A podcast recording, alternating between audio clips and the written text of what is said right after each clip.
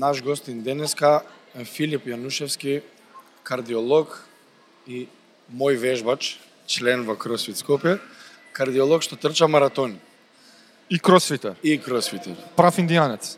Не е индијанец, за разлика од нас Фичо се спрема. Знаеш дека се шалам доктор. Да, да, да. Како не?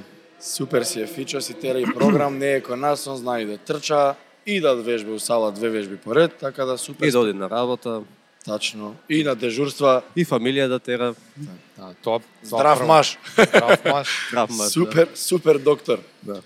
Фичо, што е е, само преглед според тебе? Само преглед. Како тоа треба да изгледа? Па не знам Кога? дали е баш само преглед за мене, за мене. Како кога се разбудам од сабајле. Зграбчи го денот, мислам дека тоа е доволно за само преглед и физички и ментално. Има Во- денови кои ќе сум физички спремен за да зграбчам денот. Има Аха. денови кои ќе не сум физички спремен, ама ментално сум спремен.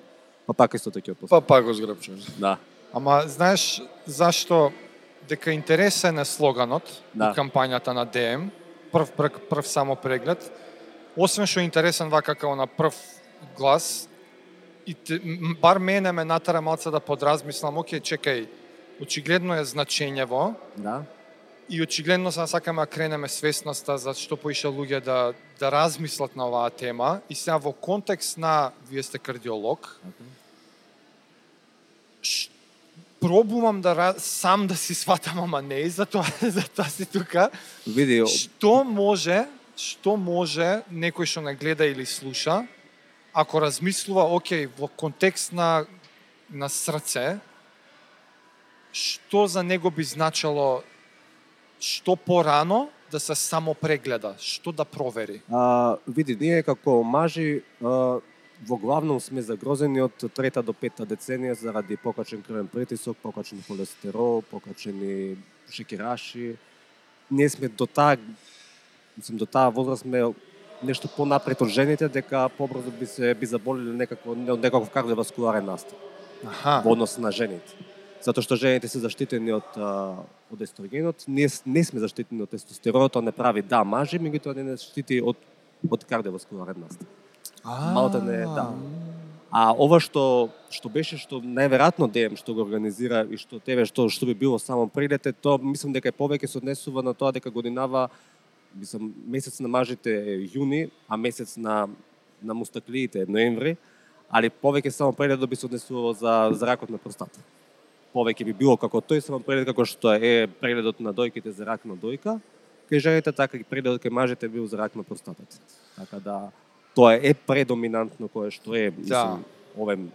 Али секако дека мислам не е само ракот на простатата тоа што го загрижува мажот или што е водечка причина за нешто, за смртност, него и секогу е кардиоваскуларното здравје. А у некоја најпроста форма, некој што би сакал што порано да си провери до каде е со општата состојба на, на собственото срце и здравје, избориме за оние најосновни ствари, пулс, притисок, Види, во нашата пракса не е, тоа не ни е така, мислам, примерна превенција, имаме тек тогаш кога ќе доживееме некаков настан. Тогаш кај нас значи почнува таа, да ние почнуваме секундарна превенција заради нешто кога веќе сме добиле акутен инфаркт или кога сме виделе дека ни е покачен притисокот или кога сме добиле некакво друг, друго веќе настан сме имале, па ајде сега ќе превенираме нешто.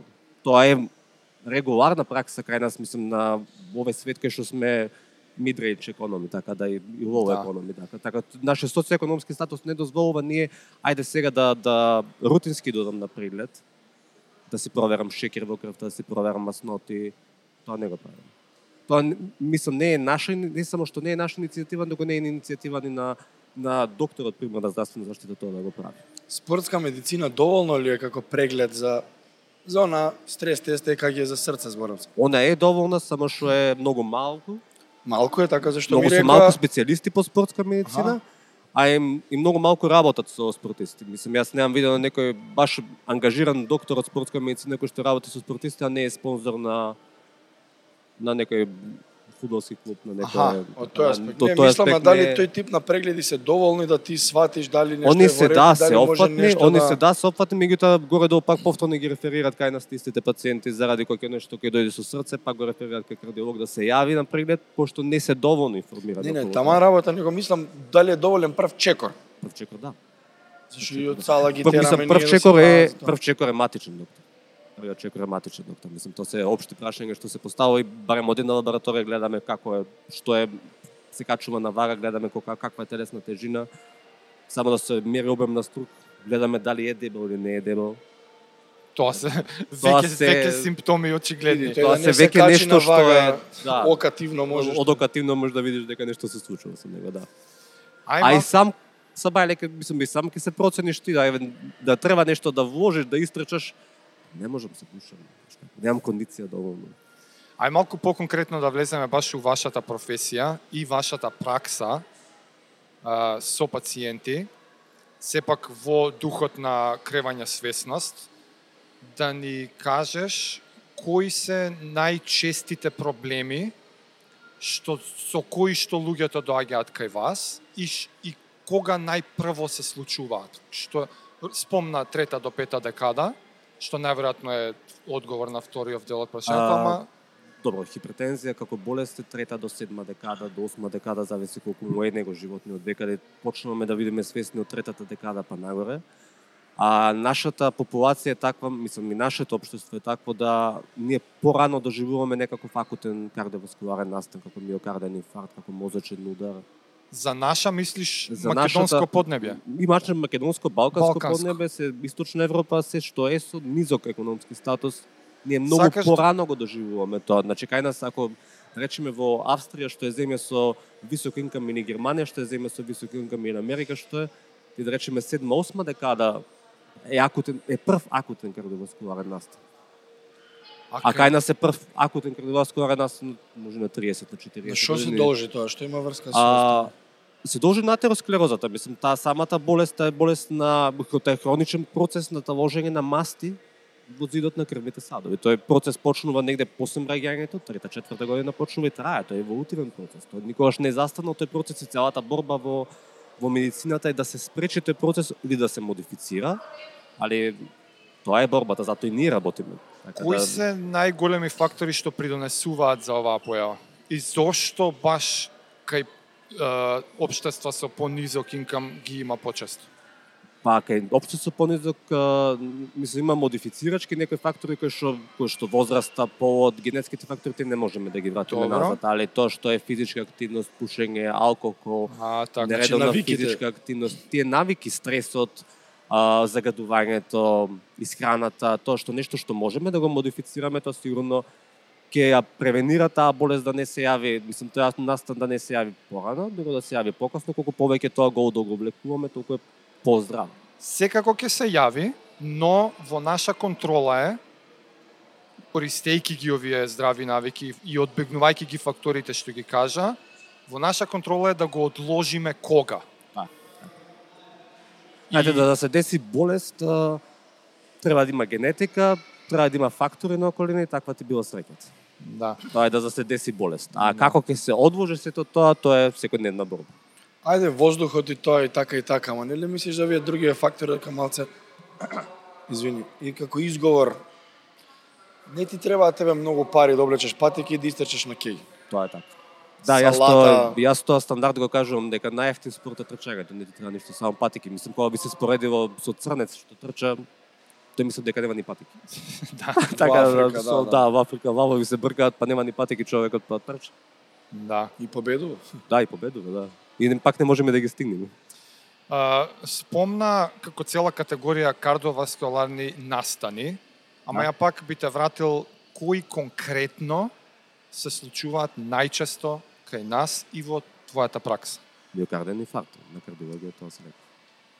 Најчесто е Најчесто ништо миокарден инфаркт. пред тоа некое затегнеш. А, не, не, не. Ризик фактор ти е хипертензија, диабет и покачени масти. Тие Ама настан како а настан е настан е миокарден инфаркт, нешто што па тоа е настан. А висок притисок, некои такви... Високиот притисок е болест исто која што се лекува, меѓутоа и таа доведува до таков настан заради ми- до, до, до миокарден инфаркт, и таа доведува да се расцепи овој големиот крвен сад што излегува срцето, дисекција на ортата настан. И таа и таа доведува, тоа ако не е регулиран крвниот притисок.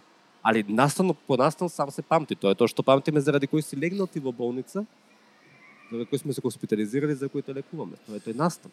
Сигурно се потребни 10 предавања за да објасниш детално што е инфаркт, Сигурно, ама има ли да. шанси во реченица две Да. е, е, би, ме, механиката на, инфар, да, на инфарктот, што точно е тоа е, во меди, како биолошки што се случува во тој момент? Процесот човек. Процесот е запушување на крвен сад.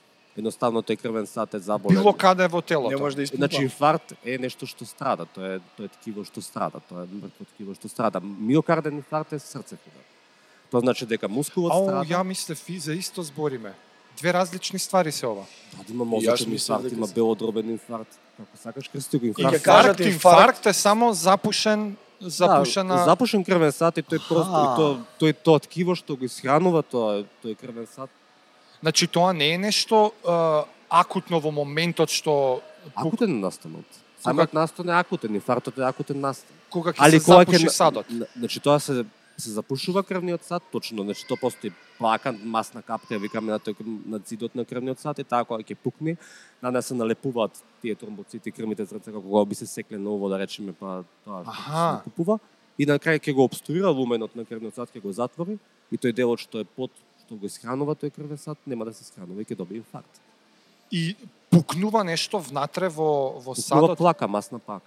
и се растекува како И внатрешно. таа масна плака треба да се покрие, се покрива со тромбоцити, тоа е нормален еволутивен процес, сега што ќе Да. се сечиме тоа нешто мора да зарасне тоа ткиво, тоа само од себе зацелува и начинот на зацелувањето е во основа со затворање на тој крвен сад, мора да се затвори, да се налепат тие тромби, али за сметка на тоа тој дел што страда, страда и доби, добиваш инфаркт. И наспроти тоа сега срцев инфаркт што точно е Значи Исто тоа е? е, тоа е инфаркт на мускулот, да, на срцевиот мускул. Срцето Ама е пак мускул. пак е некое запушување запушен крвен сад. внатре во срцето. Да, значи срцето се исхранува три големи крвни садови. Така? кога би се затворил еден од тие трите големи крвни садови, таа регија што исхранува тој крвен сад, Тогаш е инфаркт. на регија, да. Таа инфарктна регија, да. Затнување на еден од трите големи Крвни садови, да. Да. О, предпоставувам вака како лаик дека ова второ е посериозно. Болеста е сериозна, мислам каков и да инфарктот, ние не можеме да кажеме а сега имаш мал инфаркт, сега имаш голем инфаркт, не, Не, имаш срцев едноставно. во не, не, според- како кога би биле нас кога нашто да прашуваат, еве да речеме доаѓа пациент со инфаркт, има како се гледа инфарктот, мислам не се некои многу параметри, градна болка, има промени на ЕКГ-то и се завршува приказното. Тоа е знаеш дека инфаркт, дека е запушен крвен сад.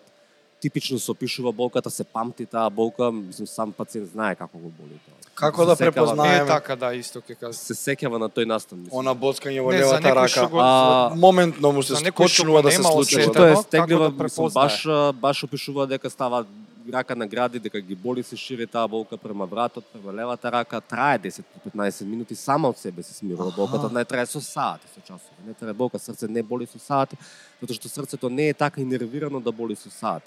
Затоа што многу други органи, во градниот кош имам уште не само срце, имам уште мал минон. Да. А, и сите тие болат, ама не болат како срце што боли. Така Кога и- некој и- што не слуша би сакал да знае како да препознае, Еве тоа тоа- силна болка што потекнува од... значи, баш со препотување, пратена може некојаш да биде со гадење, со повраќање, зависи од локализација каде е. И таа е, трае 10 до 15 минути трае. И тоа е прво што треба да направиш е да се оди во болница да се направи ЕКГ.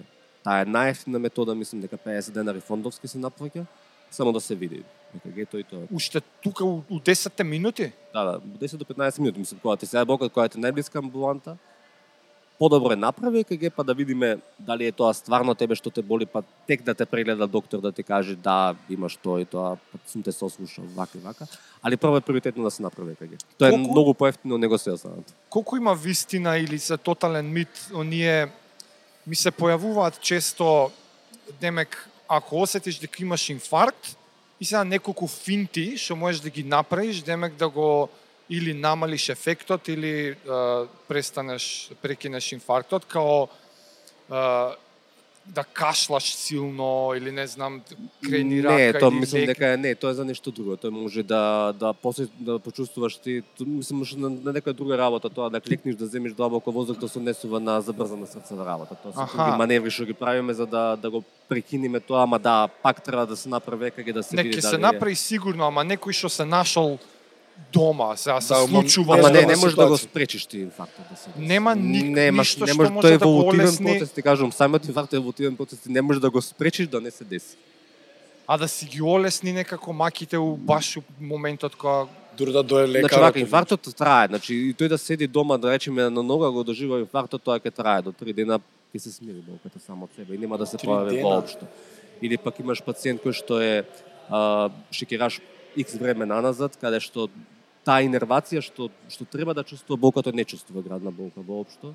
Едноставно ќе се замара, се замарам, се замарам и тешко ми е и само се замарам. Кога најмногу се замараше ќе го прашаш пошто само едноставно се замара. Тој не не ти кажува нешто дека го боли во градите, Да. гледаш имало еволуција, нека ги тоа дека направува веќе инфаркт човекот. И, така до тоа одминало време. Али не можеш да го спречи настан. Значи, секој орган, мислам, и ти еве да се сечиш да направиш лузна, таа ќе зарасне само од себе. Ако се соше, ќе зарасне поубаво. Да. И естетски ќе биде поубаво. Ако не оставиш, па повторно ќе зарасне, само што ќе биде лузна поголема. Или ќе биде естетски понеубаво.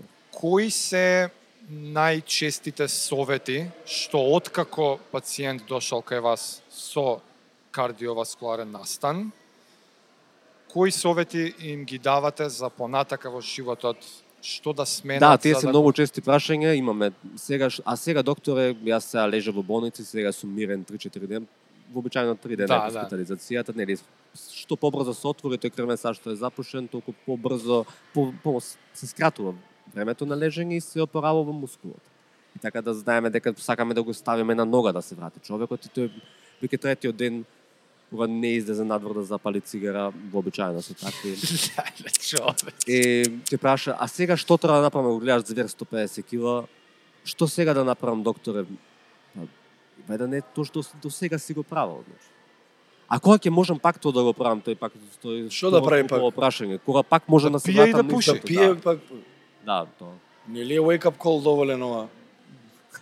Не, не, не му доаѓа, не. Не сам страстите или задоволствата, не на некој коцкар да му кажеш ти да престанеш да коцка, да се коцка, тоа е баш или на некој алкохоличар да му кажеш да престане да пие, или на наркоман да му кажеш да престане да се другира, тоа е малце тие се теми што траат, милиони процеси, милиони години траат и тоа не може да се одвикне. Ама ги има и оние среќни приказни секогаш. А ги има секако тие срекни приказни, да, некој да се врати на нормала. Да биде Тежок е баш up процесот, call. Тежок е процесот, да, дека јас себе се разбудив од тоа и сакам да престанам да правам, тоа е тежок процесот, али тоа е конзистентен процес дека ти сакаш да го направиш нештото. Зашто имам да- слушнато порано, извини, така му се случи на човеков тоа и тоа. И од тогаш лупам, прекина со се. И ги фрли цигарите од прозор и ни не запали дим, не знам. Тоа е Тоа е до човекот. Тоа е до карактерот, човекот. тоа е до Тоа е до карактерот. карактерот на Тоа е човекот. до карактерот. Онака, ме интересираше- како страф изделувало и Вие како кардиолози, дали сте обврзани или чувствувате некоја морална одговорност да да го смениш лајфстајлот на тој пациент понатака? Оти ми звучи како да е безнадежна битка. Како Тоа ти, да. ти ќе ги кажеш Тоа советите, ти го кажу, ни- ништо, да, ништо да, не баш е така, презема. тоа е баш ти едно зборува што тој четврто прави. И сега јас пробувам на, на твое место да се ставам, е многу неубаво ќе се осеќам, на секој ќе сакам да му помогнам и никој нема да слуша и знам дека за година дена пак ќе ми дое тука на маса. Како се справуваш ти со тоа и пак истите да, прашања. да, Па не, то, Ти то му помагаш у моментот. Значи, нашиот процес на, на тоа објаснување сега зошто го направивме ова, зошто не сте намалиле во килажа, ти можеш да јадиш, јас кон пациентите цело време му викам, константно му викам, вие јадете, слободно јаде, ако сакаш јади во два сабајле, кога ти се јади, јади.